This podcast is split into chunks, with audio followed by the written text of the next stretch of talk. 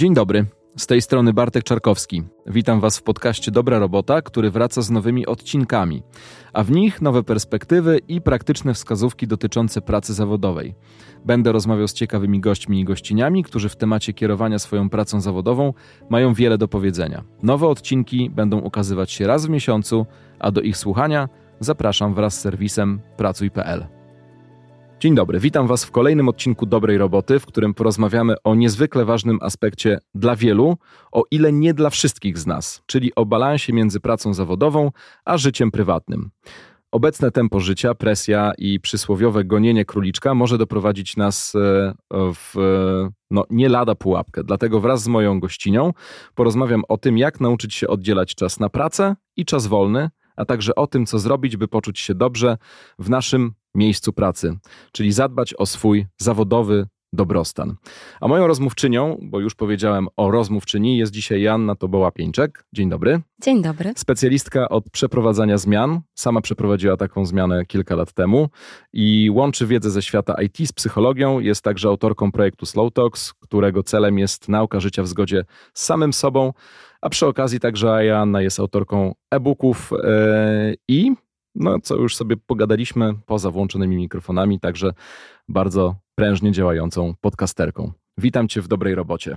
Bardzo dziękuję za takie przedstawienie. Joanna, Jesteśmy w e, pewnie takim momencie jeszcze wakacyjnym, bo to, e, bo to finał sezonu urlopowego i być może część naszych słuchaczy jest jeszcze przed opcją wyboru wakacyjnego. Być może część naszych słuchaczy w ogóle nie bierze pod uwagę wyjazdu, bo A nie potrafi odpoczywać, B uważa, że odpoczywanie nie ma sensu, bo można stracić e, jakieś sytuacje zawodowe i można się stresować na wyjeździe i przejmować tym, co nas omija w życiu zawodowym, ale może tych 40 kilka, 50 minut naszej rozmowy jednak kilka osób przekona do tego, że warto pójść do szefa i poprosić o kilka dni urlopu i może w ten sposób w ogóle rozpoczną swoją historię łapania balansu między życiem zawodowym a pracą poza nią, czyli e, między życiem zawodowym a życiem prywatnym.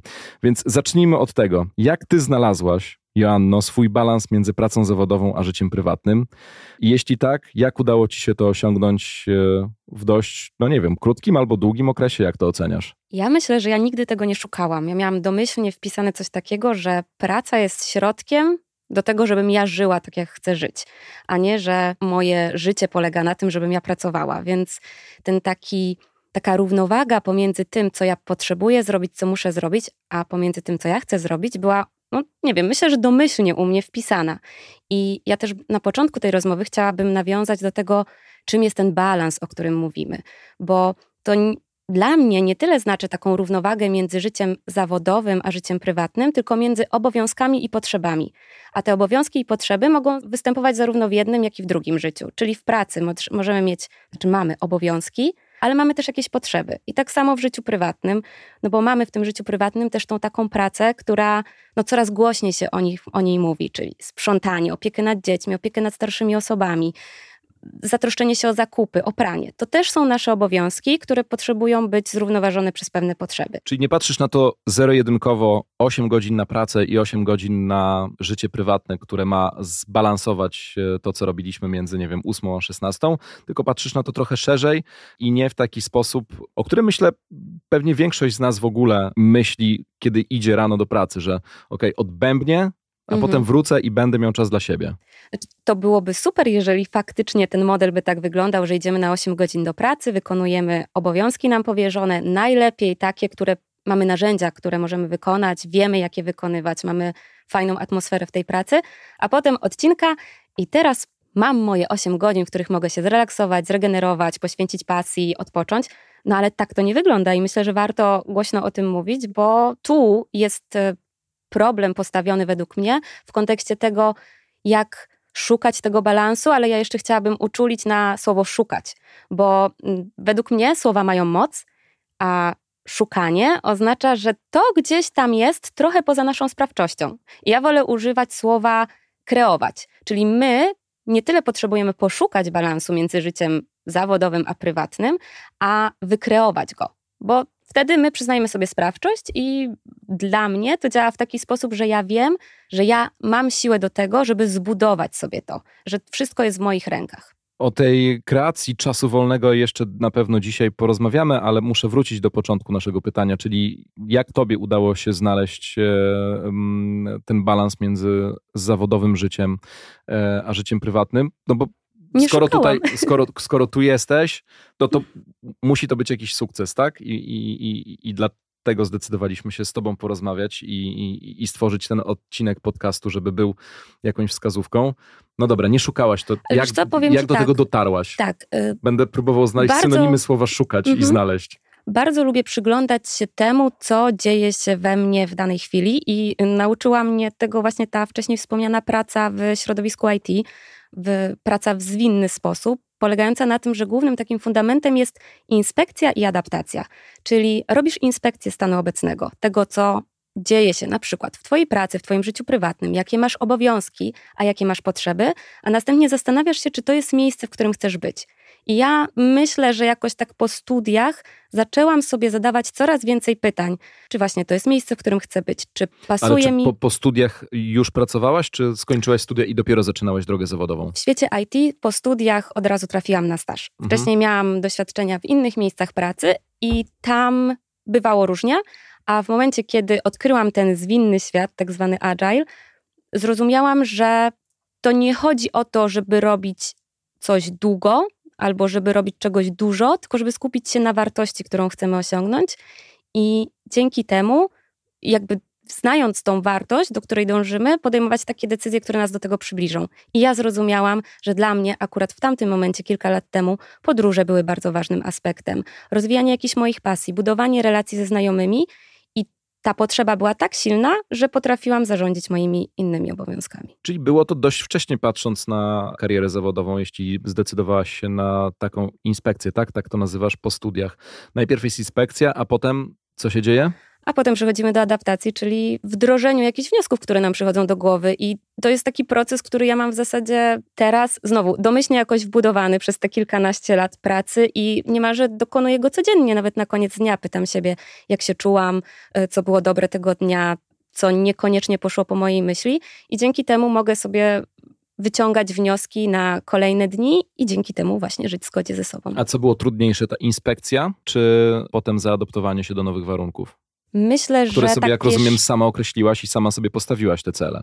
Tak, myślę, że takie szczere spojrzenie na tą swoją sytuację, bez udawania, że jest dobrze, kiedy nie jest dobrze, oraz wyzbycie się pewnych przekonań, które są i praca nad nimi. To był też proces wieloletni, żeby przyjrzeć się swoim przekonaniom, przyjrzeć się przekonaniom swojego środowiska i zrozumieć, że ja na przykład tymi przekonaniami nie chcę podążać. No to muszę jeszcze o to zapytać. Rozumiem, że ten moment inspekcji i adaptacji był prowadzony równolegle, jednak z życiem zawodowym. Nie zostawiłaś wszystkiego naraz i nie rzuciłaś tego, co w tej inspekcji wydawało ci się niepotrzebne, tylko e, przeprowadzałaś ten proces, no nie wiem, równocześnie, czyli tak, jak najbardziej. Wygaszałaś też... swoje zapotrzebowanie zawodowe i przekładałaś je na, no właśnie, na co właściwie? Właśnie, to, to nie chodzi o wygaszenie, tylko zrozumienie, czego ja oczekuję do pracy, od pracy pracy, w jakim miejscu ja chcę pracować, jak ja chcę gospodarować moim czasem, na czym chcę się skupiać. Ostatnio czytałam badania, w których było powiedziane, że średnio godzinę i 18 minut podczas dnia pracy spędzamy na rzeczach, które nie dotyczą naszych obowiązków. I teraz to jest całkiem dużo w trakcie tych 8 godzin, jeszcze odliczając jakąś przerwę na lunch i jakieś takie przerwy higieniczne. I znowu, jeżeli ja zaobserwuję u siebie takie zachowanie, że, że gdzieś to moje skupienie na przykład ucieka w pracy zawodowej, e, albo szukam rozpraszaczy, szukam rzeczy, którymi chcę się zająć, a nie są one związane z tym, czym powinnam się zajmować, no to tutaj też się mogę zastanowić, z czego to wynika. Czy nadal chcę tak postępować, bo ja akurat wychodzę z założenia, że wolę pracować w krótkich blokach czasowych, na przykład godzinnych, będąc w pełni skupiona na tym, co robię, żeby nie ponosić kosztu rozproszenia, bo każde nasze rozproszenie to jest koszt i żeby wrócić do takiego stanu skupienia, w którym byliśmy przed rozproszeniem, potrzebujemy kilkunastu minut. Więc ja wybieram taką drogę mądrych ruchów skupionych na tym, co jest tutaj, aby gospodarować sobie później czas na inne rzeczy. Ile czasu zajęło ci tych kilka lat temu dojście do poziomu, na którym jesteś e, dzisiaj? Bo ty prowadzisz życie zawodowe, tak. żyjesz, e, no nie wiem, czy słowo na walizkach będzie, e, tak, jest, jest odpowiednim stwierdzeniem, że żyjesz trochę na walizkach razem ze swoim partnerem, czy raczej jest to po prostu świadome mieszkanie pół roku w Polsce, pół roku poza Polską? Wiesz co, to nawet jest proporcja 9-10 miesięcy poza Polską i z dwa miesiące w Polsce. Y, nie wiem, czy na walizkach, bo w każdym miejscu staramy sobie stworzyć właśnie Dom. warunki do życia i do pracy, bo to też jest bardzo ważne. Tak, więc y, w każdym miejscu staramy się stworzyć sobie dom, ale to, co zapytałeś, ile zajęło dojście do takiego myślenia, ja mam wrażenie, że każdego dnia je pogłębiam. Że ten proces rozpoczął się właśnie jakieś 10 lat temu mniej więcej, kiedy wkroczyłam na tą ścieżkę zawodową w świecie IT i zaczęłam zadawać sobie więcej pytań, czerpać z tego, co tam jest y, po prostu jakimś wyznacznikiem wytwarzania produktów skupionych na wartości. I ja tak o sobie pomyślałam i o swoim życiu, że chciałabym zrozumieć, czego ja potrzebuję, co jest dla mnie ważne i na to przekładać moją energię. Ponieważ ten podcast nazywa się Dobra Robota i dotyczy e, pracowników, którzy mam nadzieję, że słuchają go w drodze do pracy albo w drodze z pracy, a nie rozpraszają się, e, bo jak powiedziałaś, e, po posłuchaniu tego podcastu w pracy trzeba byłoby poświęcić kilkanaście minut na powrót do swoich obowiązków, to zajmijmy się także tymi, dla których po prostu się tu spotkaliśmy i dla których rozmawiamy. Mamy wrażenie, i przypuszczam, że ono jest dość generalne, a nie osobne, że wciąż panuje pewnego rodzaju E, moda na siedzenie w pracy i udowadnianie, że praca jest niezwykle ważna. W ogóle chyba są takie badania, które czynią e, Polaków ludźmi, którzy spędzają w Europie chyba najwięcej nawet czasu e, w Jesteśmy pracy, tylko że on jest bezproduktywny w wielu momentach. Jesteśmy w topce według badań Eurostatu z 2021 roku. Średnio spędzamy 41,3 godziny tygodniowo w pracy i to jest dużo. Czyli przechodzimy ponad tą 40-godzinną e, e, sytuację, która jest po prostu normowanym tygodniem pracy. Z czego się bierze ta moda i dlaczego mimo mam wrażenie rosnącej świadomości poszukiwania chociażby właśnie tego balansu między, między życiem zawodowym, poświęcania e, więcej czasu na, na, na, swoje przyjemności czy na swoje obowiązki, ale jednak pozazawodowe. E, wchodzi też to pokolenie Gen Z. E, polecam zresztą pierwszy odcinek naszego, naszego podcastu w, w tym sezonie, gdzie mówiliśmy sporo o, o ich oczekiwaniach względem rynku pracy. I oni są już dużo bardziej świadomi, ale jednak to starsze pokolenie cały czas wysiaduje. No właśnie fajnie, że wspomniałeś o tych pokoleniach, bo mm, to jest pierwsze, co, co przychodzi mi do głowy w kontekście mody, czy ja bym bardziej to nazywała przekonaniami, o których już wcześniej wspomniałam, że to zależy od pokolenia i jasne, w, w tych pokoleniach będą osoby, które będą się zachowywały inaczej, ale te pokolenia służą nam w jakiś sposób do generalizacji i upraszczania świata, żeby na to spojrzeć. Więc jak ja patrzę na moich rodziców, to może tam szczególnie takiej mody na wysiadywanie nie było, raczej była moda na to, żeby trzymać się tego jednego miejsca pracy. Raz jest dobrze, raz jest źle, ale generalnie jest praca, trzeba się cieszyć i no, być w niej jak najdłużej, no bo w sumie ani moja mama, ani mój tata nie zmieniali pracy przez całe swoje życie zawodowe. Byli w jednym miejscu, co dla mnie od dziecka jakoś tak intuicyjnie wydawało się to dosyć abstrakcyjne.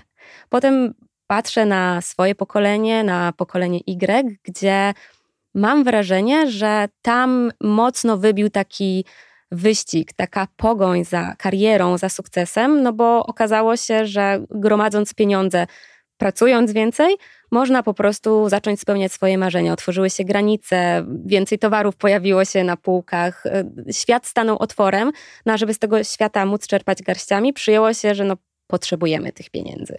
Więc e, ja obserwując osoby gdzieś tam w moim wieku, widziałam, że one godziły się też poniekąd na to, żeby tego było więcej i trochę odkładały swoje życie na później, no bo najpierw zarobię te pieniądze, albo najpierw osiągnę sukces zawodowy, a potem zacznę realizować te swoje marzenia. Mi się to trochę tak nie zgadzało. Ja zawsze byłam taką maksymalistką potrzebującą czerpać tu i teraz, więc ja żonglowałam. Nie było to zawsze dobre, bo było bardzo wykańczające dla mojego organizmu, ale od poniedziałku do piątku po prostu praca, praca na dużych obrotach zaangażowana, a w piątek o 16 wsiadałam samolot i leciałam na city breaka, żeby czerpać właśnie z tego życia. Tylko to się kończyło zawsze tym, że raz w miesiącu potrzebowałam po prostu zamknąć się otulić się kołdrą jak burrito, zamknąć się, nie odzywać się do nikogo, bo byłam po prostu przebodźcowana. I na przykład to dla mnie też nie był balans. Y, ale to, co powiedziałeś o modzie, ja chcę nazwać przekonaniami. Bo mamy przekonania, że bez pracy nie ma kołaczy, że żeby się czegoś dorobić, to trzeba bardzo dużo pracować, że praca popłaca. Bardzo dużo takich słów od naszego dzieciństwa jest wkładanym nam do głowy i mam wrażenie, że praca wtedy staje się takim priorytetem, że My po prostu po to się mamy dobrze uczyć, dobrze zdać maturę, pójść na dobre studia, żeby mieć pracę. Bo praca jest tą y, wysoką wartością, jest tym czymś, do czego powinniśmy dążyć. A tak jak wspomniałeś, pokolenie Z już zaczyna to kwestionować. To, to, to wcale nie wygląda tak z ich perspektywy. Oni chcą czegoś więcej, czegoś innego, albo właśnie sprowadzają tą pracę do jednego z wielu zajęć, które wykonują podczas dnia. I bardzo bym chciała, żebyśmy my przyglądali się tym naszym przekonaniom, z czego właśnie wynika to, że uważamy, że trzeba dużo pracować, albo że trzeba się tej pracy poświęcać, bo najprawdopodobniej za tymi przekonaniami kryją się niezdrowe dla nas rzeczy, bo to wcale nie jest e, jednoznaczne takie przełożenie, że im dłużej spędzimy czasu w pracy, tym osiągniemy lepsze efekty, bo im więcej energii zużywamy w ciągu dnia, im więcej decyzji podejmujemy, tym po prostu nasza zdolność do rozwiązywania problemów, do analitycznego czy kreatywnego myślenia się osłabia. Więc 10 godzin w pracy wcale nie będzie równe 10 jednostkom pracowych, bo równie dobrze 4 godziny pracy mogą odpowiadać tym 10 jednostkom pracowym. Jasne, wszystko zależy od tego, co robimy. Jeżeli to jest praca kreatywna, jeżeli to jest praca y, umysłowa, to tutaj uważam, że czas niekoniecznie przekłada się na to, jak dużo zrobimy. Fajnie i ciekawie opowiedziałaś o skutkach tego mm, e, dosiadywania pracy, tak to nazwijmy. Może na obronę mm, powiedziałbym, że część e, z nas prowadzących takie intensywne życie zawodowe po prostu boi się, że nie wyrobi się ze wszystkimi e, rzeczami w tych 40-tygodniowych godzinach, które ustawowo mamy poświęcać pracy i dlatego trochę więcej siedzą. Tylko, że to też jest raczej ślepa uliczka, prawda? Czyli moment, w którym siedzimy jeszcze więcej, więc jeszcze mniej czasu mamy na to, żeby pomyśleć o tym, co chcemy robić e, poza pracą. No i tutaj dochodzimy do głównego tematu naszej dzisiejszej e, rozmowy. W ogóle gubimy ten moment, w którym mamy możliwość e, zastanowienia się, jak chcemy, żeby ta praca wyglądała, co chcemy z niej wyciągnąć dobrego, także w ciągu dnia e, i co chcemy wyciągnąć dla siebie z życia po tych godzinach, które poświęcamy e, życiu zawodowemu. W takim ja bym razie. dorzuciła dwie rzeczy, dobra? Dobra, jasne. Skomentowałabym dwie rzeczy a propos tego, co powiedziałeś, bo też chciałabym to podkreślić, że ta równowaga czy szukanie tego balansu to wcale nie polega na tym, żeby równo dysponować czasem na określone rzeczy. Bo uważam, że znowu powinniśmy patrzeć, co w danym momencie jest dla nas ważne. Jeżeli w tym momencie dla ciebie je, ważne jest rozwijanie swojego warsztatu radiowego, dajmy na to, i chcesz się w tym doskonalić, szkolić, masz do tego ludzi, z którymi w tym momencie akurat możesz y, współpracować i oni chcą to z tobą robić, to okej, okay, to to siedź na tym dłużej, tylko niech to będzie Twoja świadoma decyzja, że Ty to robisz w jakimś celu i właśnie dokonuj tej inspekcji, żeby zweryfikować, czy Ty masz jeszcze na to siły, czy to, co robisz, faktycznie cały czas przynosi oczekiwane przez ciebie rezultaty, czy jest tymi tak zwanymi dupogodzinami, że po prostu siedzisz, masz to wrażenie, że siedzisz w tej pracy, ciągle coś robisz, no ale nie ma efektu. Więc jeżeli w tym tygodniu uważasz i chcesz posiedzieć dłużej i to jest twoja świadoma decyzja, spoko, tylko pamiętaj o tym czasie na odpoczynek, na regenerację, bo to pomaga z, w złapaniu dystansu, innej perspektywy, w odświeżeniu myśli, w takim procesie uczenia i bardzo często jest tak, ja, ja przynajmniej tak mam, że myślę o, czy, o czymś jednego dnia i już czuję, że to myślenie, zapętliłam się. I jak odpocznę, pójdę na spacer, prześpię się, następnego dnia mam świeższy umysł. Mogę zobaczyć coś inaczej. E, wpadnie mi coś pod prysznicem, bo to jest bardzo częsta przypadłość, że przychodzi nam jakaś myśl pod prysznicem, dlatego że tam odcinamy się od bodźców. Tam nie ma telefonu, tam nie ma innych gadających głów, tam prawdopodobnie no, nic nas nie rozproszy i nagle uruchamiamy taką część w naszej głowie, która wchodzi w taki stan flow i, i pozwala nam płynąć. I dzieją się różne ciekawe rzeczy. Jeżeli my ciągle jesteśmy w pracy, ciągle jesteśmy w tym trybie misji, realizacji zadań, to my sobie odbieramy tą szansę, żeby właśnie wypaść trochę na inne tory, wpaść w ten stan flow i odkryć coś nowego. No to pomóż Janno naszym słuchaczom znaleźć ten moment, w którym muszą sobie powiedzieć dość. Kiedy mhm. powinien zapalić im się e, sygnał alarmowy? Ja myślę, że nasze ciało bardzo jasno daje nam do zrozumienia, kiedy coś dzieje się nie tak z nami. Jeżeli czujemy się osłabieni, jeżeli często chorujemy, jeżeli nie mamy siły na jakieś podstawowe czynności, jeżeli jesteśmy przemęczeni, jeżeli nasza twarz wygląda słabo, sino, mamy podkrążone oczy, to już mogą być takie pierwsze sygnały z ciała, że coś jest zaburzone, że coś dzieje się nie tak. Poza tym, jeżeli czujemy permanentny stres, napięcie, jeżeli mamy takie poczucie życia od misji do misji. Wiesz, ja znam sporo takich osób, które kiedy je pytam o to, co robią teraz dla siebie albo na co mają teraz ochotę, to one mówią: Teraz nie, teraz to skupiam się na pracy, ale jak już zrobię rzecz A, B, C, D, E i tak do zetki, to wtedy odpocznę, pojadę na wakacje, spędzę czas, więcej czasu z rodziną, że to jest takie właśnie, ja to tak nazywam, życiem ciąg, w ciągłej misji, odkładaniem takiego życia tu i teraz na później i fiksowanie się, no właśnie bardzo często to jest to fiksowanie się na pracy. I takim sygnałem może być też e, problem w relacjach, czy z bliskimi osobami, czy, czy w rodzinie. Takie poczucie ciągłego niedoczasu, że ja ciągle się śpieszę i z drugiej strony poczucie takich, ja to nazywam musiów i powinnusiów, że muszę to zrobić, muszę, powinnam, no a właśnie kręci się to wciąż wokół obowiązków, a gdzie są te potrzeby? No one zazwyczaj nie są po prostu nawet przez nas samych usłyszane.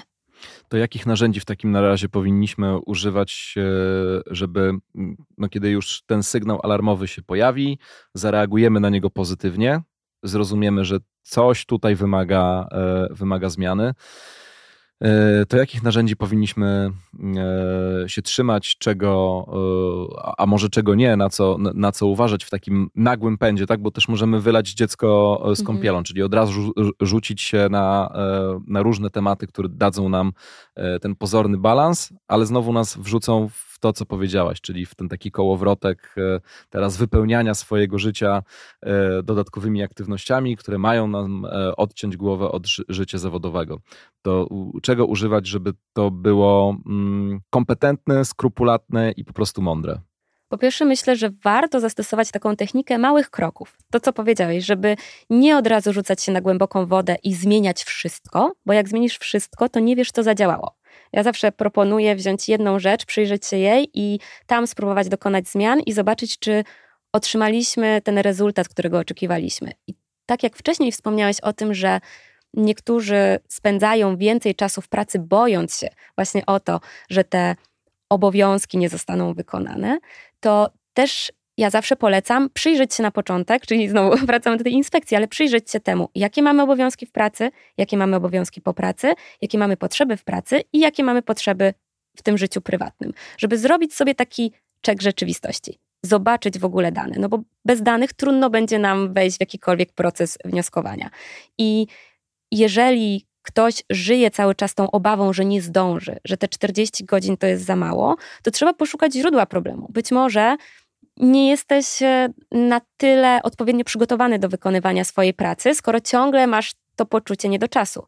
Ale z drugiej strony może być tak, że Twoje obowiązki nie są możliwe do zrealizowania w tym czasie, bo nie, wiem, nie rozciągniesz się, nie rozdwoisz się na trzy spotkania, które dzieją się równolegle, a na które jesteś zaproszony i musisz na nich być. Więc warto zobaczyć, a potem poodpowiadać sobie na pytania, no i tu w kontekście mm, pracy warto to na pewno robić ze swoim przełożonym, żeby sygnalizować, głośno rozmawiać o tym, jak my czujemy się w tym naszym miejscu pracy, jak wyglądają te nasze obowiązki, na ile mamy właśnie narzędzia do ich wykonywania, na ile mamy umiejętności, bo być może potrzebujemy, nie wiem, najprościej szkolenia z zarządzaniem czasem, a może potrzebujemy nauczyć się obsługi jakiegoś programu i dzięki temu nie będziemy musieli spędzać na pracy ręcznej 10 godzin w tygodniu, tylko program, którego się nauczymy, zautomatyzuje naszą pracę w godzinę. Poczekaj, czy ty właśnie powiedziałaś, że żeby spróbować e, złapać balans, trzeba też czasem pójść do swojego pracodawcy albo do swojego przełożonego i poprosić go o pomoc?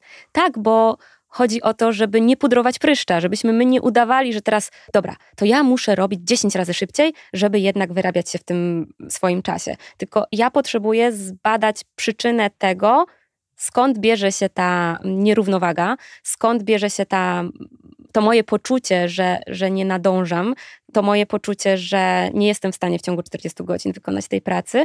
No i z mojej perspektywy, a pełniłam też rolę przełożonej przez kilka lat, to właśnie nasz szef lider jest tą osobą, e, do której powinniśmy się udać e, po pomoc, żeby pomógł nam pokierować naszymi myślami.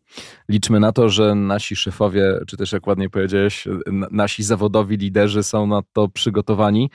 Pewnie w coraz częściej tak i w coraz większej liczbie firm czy korporacji tak się, tak się dzieje. A są w ogóle osoby zatrudniane na stanowisko kogoś, kto ma pomagać, e, nie wiem, pracownikom w, w, odzyskaniu balansu albo w, w, odpowiednim jakimś takim przygotowaniu się do, e, do tematu życie zawodowe, a życie prywatne. Słyszałaś o, o, o tworzeniu takich stanowisk gdzieś w działach HR?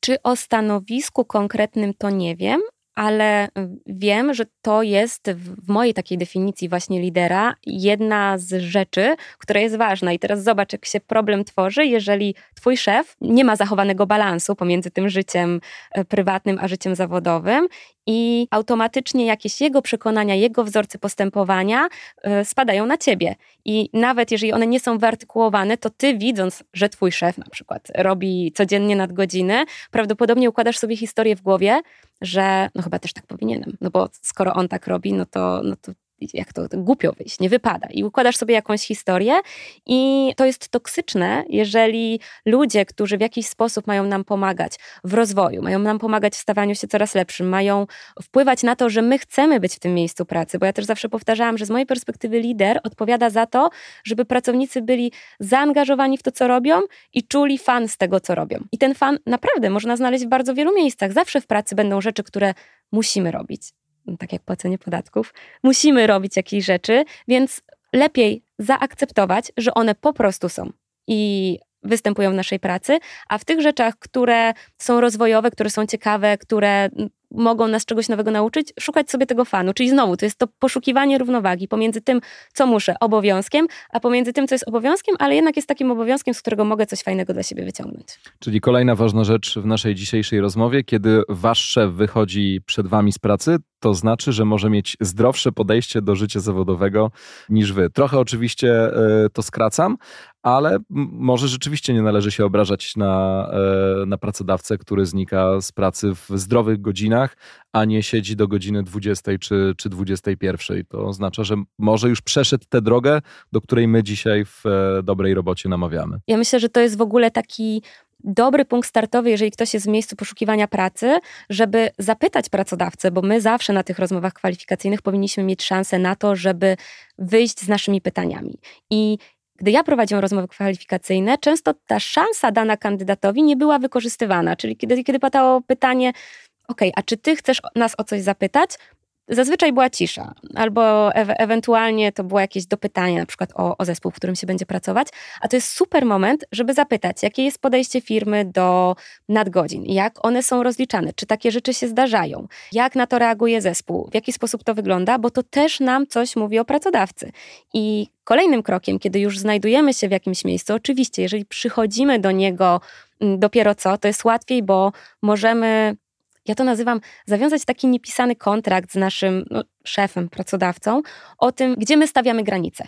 Bo jeżeli na rozmowie rekrutacyjnej ja się dowiem, że firma nie popiera nadgodzin i jest za tym, żebyśmy pracę realizowali w ciągu tego, tych 8 godzin, które prawdopodobnie są ustalone, to później, jeżeli przychodzę do tego miejsca pracy, rozmawiam z szefem, to warto o tym wspomnieć i powiedzieć, że słuchaj, dla mnie bardzo ważna jest ta równowaga pomiędzy życiem zawodowym a prywatnym.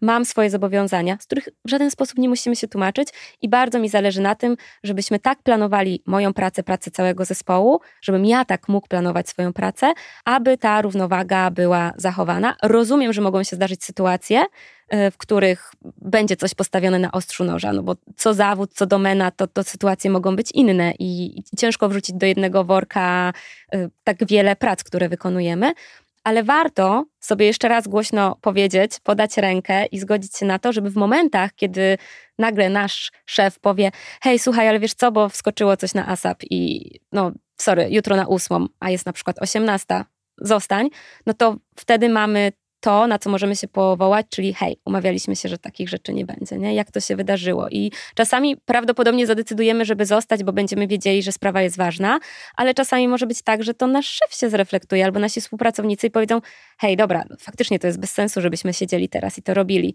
Ponegocjujmy z klientem, przesuńmy to na przykład na następny dzień. Trochę się uśmiechałem, jak to mówiłaś, bo ja ostatnio miałem okazję przeprowadzać e, kilka rozmów screeningowych w rekrutacji w firmie, e, w której pracuję na co dzień. I słuchaj, mm, ludzie, których rekrutowałem, zapytali, no każdy jeden zapytał o to, e, jak firma podchodzi do, e, do pracy zdalnej, e, do home office'u, do pracy hybrydowej, do, do nadgodzin. No i fajnie, widać, że to, mhm. że to nowe pokolenie wchodzące na rynek, na rynek pracy jest dużo bardziej świadome. Zaglądam mm, w badania, które w marcu przeprowadzono, w marcu tego roku, więc bardzo świeże, przeprowadzono na zlecenie Pracuj.pl, czyli partnera naszego podcastu. E, z których wynika, że Polacy mają coraz wyższe standardy e, w pracy. 53% badanych poświęca na pracę dokładnie 8 godzin dziennie. Ponad połowa badanych wskazuje, że odeszłaby z pracy, gdyby w firmie e, wystąpił mobbing. Równo 50% złożyłoby wypowiedzenie z pracy wpływające źle na ich zdrowie psychiczne, no ten odsetek pewnie powinien być e, większy, no ale i tak cieszy e, już połowa pytanych, bo mhm. to pewnie jest duża zmiana w kontekście kilku lat wstecz. E, a 7, 7 na, na 10 badanych uważa, że pracodawcy powinni wspierać pracowników w work-life balansie. Też przypuszczam, te wyniki kilka lat temu były gorsze, teraz już 7 na 10 to o, idziemy chyba ku ku lepszemu. 63% badanych deklaruje, że utrzymuje odpowiedni balans pomiędzy pracą a życiem osobistym. No i tu mam pytanie: jak należy postąpić w sytuacji, gdy e, praca wkracza czasowo na naszą prywatną przestrzeń, czyli ten balans jednak jest niezachowany e, i praca bierze górę? No ja bym powiedziała, że pierwsze co to trzeba ten problem Wiesz, w, w, takiej, w takiej najbardziej podstawowej mm, historii, jaka się może wydarzyć, czyli jesteś umówiona po pracy, nie wiem, idziesz z dziećmi na kolację z okazji zakończenia roku szkolnego i nagle się okazuje, że tego 23 czerwca nie możesz wyjść o 17, tylko musisz poczekać zawodowo do 19. Co wtedy? Ja mogę powiedzieć, co ja bym zrobiła, no bo tutaj znowu, w zależności od tego, jakie my mamy nawet poczucie własnej wartości, pewność siebie, sytuację finansową, materialną, wiesz, czasami jest tak, że po prostu zaciskamy zęby i mówimy, to nie jest dobry moment teraz, żebym robił sobie kłopoty. I znowu, gdzie jest źródło tych kłopotów? Bo może być tak, że mamy właśnie tą niezdrową sytuację w naszym miejscu pracy, w którym szef nas wykorzystuje, który e, manipuluje nami, który wpływa na nasz ten stan psychiczny w bardzo niekorzystny sposób i my po prostu jesteśmy w jakiś sposób zastraszeni, że w nas wrodził się taki program, że każda próba sprzeciwu wobec szefa skutkuje tym, że boimy się, że stracimy pracę, nie dostaniemy wolnej soboty, nie wiem, wiesz, nie będzie tych innych benefitów, bo ktoś z nami współpracuje na zasadzie kija i marchewki. Jeżeli zrobisz to, co chce, to to, otrzyma, to otrzymasz coś innego, a jeżeli nie zrobisz, no to poniesiesz tego konsekwencje. No i to jest bardzo niezdrowa sytuacja i wtedy rady w stylu idź do swojego szefa i z nim o tym porozmawiaj, mogą się, wiesz, dla kogoś, kto tego słucha, wydawać,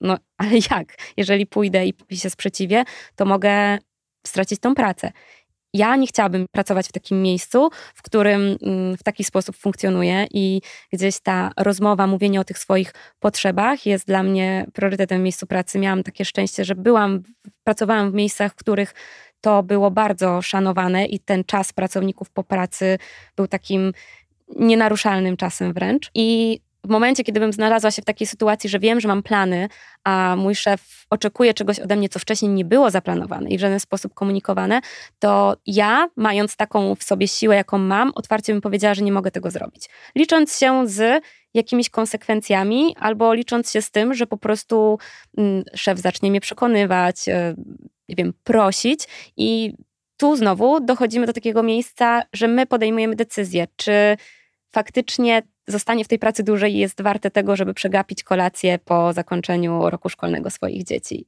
I wydaje mi się, że ta asertywność jest w nas potrzebna i otwarta rozmowa, powiedzenie stanowczego nie. Nie musimy się tłumaczyć, dlaczego tego nie możemy, bo też się nas często odpala taki mechanizm, że wraz z odmówieniem czegoś chcemy uargumentować, dlaczego nie możemy tego zrobić. A wcale nie jesteśmy zobowiązani wobec naszego pracodawcy, żeby mu tłumaczyć, dlaczego chcemy w czasie po pracy robić pewne rzeczy. E, chwilę temu powiedzieliśmy też e, o e, szukaniu mm, tych nowych metod pracy, czyli home office, praca, praca hybrydowa. Czy uważasz, że osobom, które decydują się, a jest to coraz częstsze, na ten rodzaj wykonywania obowiązków zawodowych, to rozdzielenie prywatności od pracy jest trudniejsze? Mm, a jeśli tak, to jak można temu zaradzić? Myślę, że to w dużej mierze zależy i od tego, czym się zajmujemy i od tego, na jakim etapie rozwoju jako e, pracownicy czy jako samozatrudnione osoby jesteśmy. Bo z jednej strony bardzo przydatne na pewno jest rozdzielenie tej przestrzeni. Jeżeli mamy mieszkanie 50-metrowe i w tym samym pomieszczeniu jemy, pracujemy, spędzamy czas wolny, celebrujemy sukcesy, może to wpływać w jakiś sposób e, myląco dla naszej głowy, bo ciągle przebywamy w tej, w tej samej przestrzeni. Więc w takich sytuacjach, kiedy na przykład nie jesteśmy sobie w stanie wydzielić osobnego pokoju, czy nawet takiego dedykowanego biurka, przy którym tylko pracujemy, warto na przykład od czasu do czasu zmienić sobie miejsce, w którym jesteśmy. Czy to udać się do biura, jeżeli pracujemy hybrydowo, bo ja uważam, że jakby sama korzystam z benefitów tego, że mogę pracować w każdym miejscu na świecie, ale z drugiej strony pracując z gdybym pracowała z zespołem, z większą liczbą ludzi, to myślę, że takie odseparowanie w jakiś sposób radykalizuje i powoduje, że my trochę zamykamy się na różnorodność innych, na poglądy innych, e, trudniej budować relacje, no bo w sumie zdzwaniamy się tylko po to, żeby na spotkaniu zrealizować jakiś cel spotkania, misję. Mało jest tej takiej budowania zespołowości, budowania więzi, wymieniania swoich poglądów. Więc warto zmienić to miejsce i jeżeli macie taką możliwość, to właśnie wyskoczyć chociażby do biura i chwilę popracować, odświeżyć się.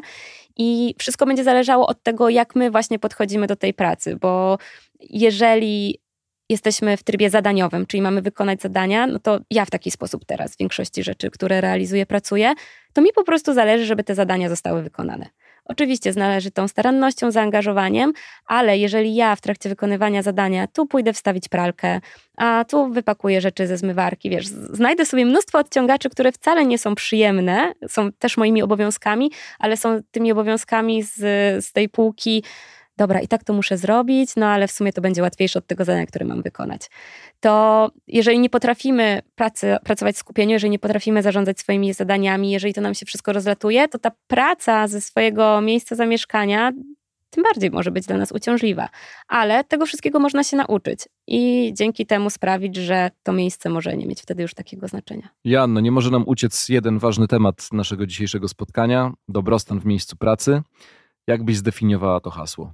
Ja bym zdefiniowała to hasło tak, że to, to jest taka zdrowa sytuacja dla nas w tym miejscu pracy, że mamy szansę pracować w zgodzie z naszymi wartościami, w zgodzie z naszymi przekonaniami, że w tym miejscu pracy jest otwartość na różnorodność, że nasze zdanie może zostać wysłuchane, że mamy nie tylko te obowiązki, których w dodatku na przykład nie rozumiemy, bo to też jest dosyć e, spory problem, ale, ma, ale też czujemy, że nasze potrzeby e, są realizowane i ja zawsze w takich sytuacjach powołuję się na Daniela Pinka, który stworzył taką książkę Drive i on mówi tam o motywacji zewnętrznej i wewnętrznej i ja jestem wielką fanką opierania wszystkiego, co, co robię na tej motywacji wewnętrznej, żeby, żeby to nie była znowu ten kij i marchewka, tylko żeby to wynikało właśnie z jakiejś naszej misji, z jakichś naszych celów, wartości.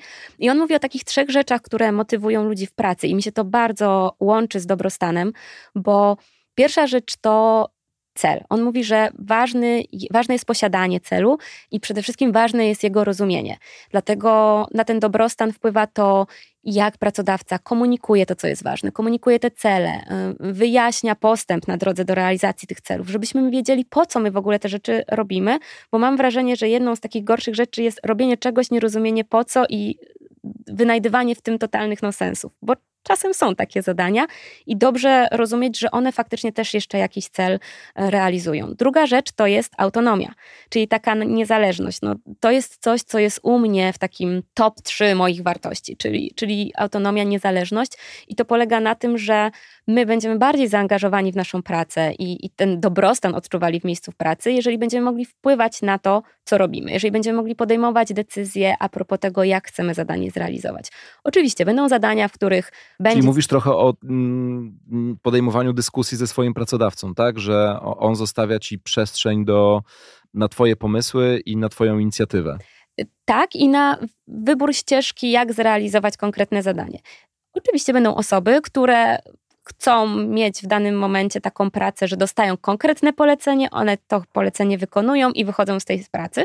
To jest ok, ale będą też osoby, które właśnie potrzebują tego poczucia sprawczości, tego, że mają wpływ na tą pracę, którą wykonują.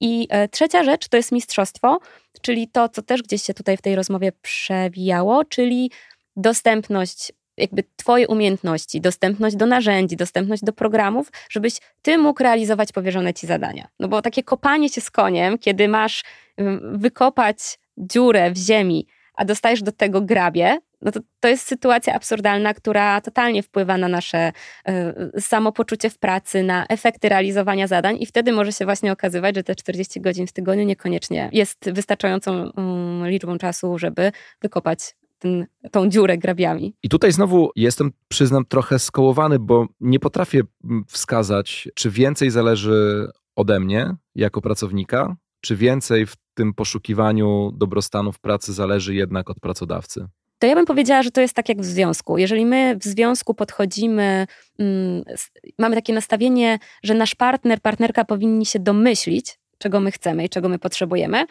no to jest duża szansa, że jednak tego nie otrzymamy i tylko nasza frustracja będzie e, rosła. I teraz jak my powiemy o naszych potrzebach partnerce czy partnerowi, to też nie możemy oczekiwać, że oni od razu to zrealizują, ale przynajmniej będą mieli świadomość. I ja tak trochę patrzę na, ten, e, na tą relację pracownika z pracodawcą, że jeżeli ja jako pracowniczka będę się frustrować i denerwować na to, że na przykład nie mam tych narzędzi do wykonywania pracy, ale nie poinformuję o tym mojego pracodawcy, no to skąd on może wiedzieć, że to jest dla mnie problem? I tak bym na to patrzyła, że to jest inicjatywa i po jednej, i po drugiej stronie. Dobry menadżer w moim mniemaniu powinien właśnie pobudzać w pracowniku ten proces inspekcji i adaptacji, czyli dowiadywać się, jak on się czuje z tymi obowiązkami, które ma, jak mu idzie realizacja tych obowiązków, czego potrzebuje, czego jest za dużo, czego jest za mało. Oczywiście nie musi tego od razu spełniać, tylko żeby po prostu widział, jak wygląda sytuacja, niż raz na rok spotykał się ze swoim pracownikiem i mówił: No, no to powiedz mi, co w ten rok zrobiłeś i pogadamy o Twojej podwyżce. Bo to jest dla mnie y, bardzo słabe podejście, bo skupiamy się zazwyczaj w podsumowaniu roku. Krótkotrwały dobrostan. Tak, to, to, to są takie. Finansowy. Dokładnie. No znowu, ten, ten, ten kij i marchewka, i raczej motywacja zewnętrzna, która będzie działać krótkoterminowo, bo dostaniesz pierwszą wypłatę powiększoną, się ucieszysz, ale potem każda kolejna będzie prawo malejącej korzyści. To będzie taka, o, wypłata. Już nie będziesz się tak cieszyć, jak tą pierwszą podwyższoną. Więc e, podsumowując, my jako pracownicy warto, żebyśmy wychodzili z inicjatywą, warto, żebyśmy sobie zadawali pytania, warto, żebyśmy mówili o tych swoich potrzebach, oczekiwaniach, e, żebyśmy przyglądali się swoim obowiązkom. No a z drugiej strony, e, jak pracodawca będzie tak badać taki puls organizacji, puls pracowników, e, być otwarty na to, że oni mogą zgłosić te potrzeby, że oni mogą wyrazić swoje zdanie. To jest bardzo ważne. I będzie chciał ich słuchać, no to myślę, że tutaj gdzieś znajdzie się złoty środek. Dużo mówiliśmy o czynnikach no nie wiem, nazwijmy je e, osobowych, ludzkich, które wpływają na dobrostan w, miejscu pracy, a czy są takie czynniki zewnętrzne, które mogą negatywnie wpływać na to, jak w tej pracy się y, czujemy? Od takich trywialnych rzeczy, kiedy siedzisz, a klimatyzacja permanentnie na ciebie nawiewa. Jakby niby pierdoła, ale z drugiej strony totalnie wpływa to na twój organizm, na twoje funkcjonowanie. A teoria światła i tego, jak są pomalowane na przykład ściany w biurze, uważasz, że to są, e, że to są rzeczy, które mogą mieć wpływ na to, jak, e, jak ci się żyje między 8 a 16 w, w, w twoim biurze? Dla mnie totalnie tak. Ja nie jestem specjalistką od y, gospodarowania przestrzenią, więc nie chciałabym się, wiesz, wypowiadać, że tak, zdecydowanie to ma, ale z tego, co na przykład słucham y, osób, które się tym, tym zajmują, to jak najbardziej ta przestrzeń, którą się otaczamy, y, bliskość zieleni, możliwość tego, żeby wzrokiem spojrzeć na punkt oddalony trochę bardziej niż nasz monitor, spojrzenie przez okno, świeże powietrze. No, dla mnie, pracując w korporacjach, takie możliwości wyjścia na przykład na taras i poddychania świeżym powietrzem, kiedy siedzę w klimatyzowanym pomieszczeniu, były bardzo ważnym aspektem. Albo takie miejsca, osobno wydzielone salki, gdzie mogłam na chwilę pójść i się skupić, bo na przykład open space nie dawał aż, aż takiej możliwości. Więc to, jak w ogóle biuro jest zorganizowane i w jaki sposób na przykład my możemy wchodzić w interakcję z tym biurem, czy, czy, czy, mamy swoje miejsce, czy nie, biurka stojące, czy biurka siedzące. To są już takie, powiedziałabym, luksusowe benefity, o, o których tutaj sobie możemy rozmawiać, ale to wszystko ma wpływ na funkcjonowanie naszego ciała, naszego organizmu, a to przekłada się na to, jak jesteśmy kreatywni, jaki jest poziom naszego zestresowania, jak, e, jaką mamy chęć do działania. No a to implikuje efekty naszej pracy. Joanno, na koniec, na finał e, pytanie z gatunku fantastycznych. Myślisz, że za ile lat będziemy mogli spotkać się ponownie w tym studiu, być może przy 98 e, sezonie dobrej roboty i powiemy sobie, że no już trzymajmy się polskiego społeczeństwa i polskiego rynku pracy. Wszyscy żyją w zawodowym dobrostanie. Myślisz, że to kiedyś nastąpi? Myślę, że ten kwantyfikator nie ma prawa nigdy się wydarzyć. Bardzo bym życzyła nam wszystkim, żebyśmy po pierwsze mieli przestrzeń na to, żeby poobserwować siebie, bo tą przestrzeń też trzeba wykreować. Jeżeli żyjemy od misji do misji, no to ciężko o ten moment zatrzymania. Po drugie, żebyśmy żeby tak rozwijały się nasze środowiska pracy, żebyśmy nie czuli tego strachu przed mówieniem o swoich potrzebach i stawianiem granic, no bo przede wszystkim chodzi o stawianie granic, tylko żeby było nam to umożliwione i żebyśmy wszyscy, i zarówno pracownicy, jak pracodawcy, dostrzegali korzyści z tego, że jeżeli jesteśmy wypoczęci, jeżeli balansujemy sobie to życie zawodowe i prywatne, jeżeli spełniamy swoje potrzeby po pracy, no to te efekty przychodzą same. I nie wiem, czy wydarzy się taka sytuacja, że większość z nas będzie, może mam słabą wiarę w nie tyle nasz naród, co może w ludzkość po prostu, bo mam wrażenie, że lubimy się zapętlać, że nawet jak dojdziemy do jakiegoś mistrzostwa, to i tak potrafimy spać do dołu, ale myślę, że ta świadomość rośnie i że możemy się uczyć też od y, młodszych od nas tego, w jaki sposób próbować zachować tą równowagę. Kończy się Twój sezon obecności w Polsce, gdzie przez kolejnych 10 miesięcy będziesz żyła i dbała o swój dobrostan? No i właśnie jeszcze tego nie wiem. Okej. Okay. No dobra, to w takim razie bardzo Ci dziękuję i też wierzę w to, że y, jednak uda się większość, y, no już trzymajmy się, ludzkości przekonać do życia w dobrostanie, chociaż wiadomo, nie wszystko zależy y, od nas. Janna to była Pieńczak, była moją dzisiejszą gościnią w dobrej robocie, czyli podcaście realizowanym wspólnie z Pracuj.pl. Bardzo Ci dziękuję. Dziękuję również. I powodzenia w kolejnych miesiącach Twojej pracy poza Polską. Dzięki wielkie. To była dobra robota. Dziś przyjrzeliśmy przyjrzeliśmy się zagadnieniu umiejętności łapania balansu między życiem zawodowym a życiem prywatnym. E, jestem święcie o tym przekonany, że poznaliśmy naprawdę kilka ciekawych sposobów na to, by odnaleźć ten dobrostan w miejscu pracy.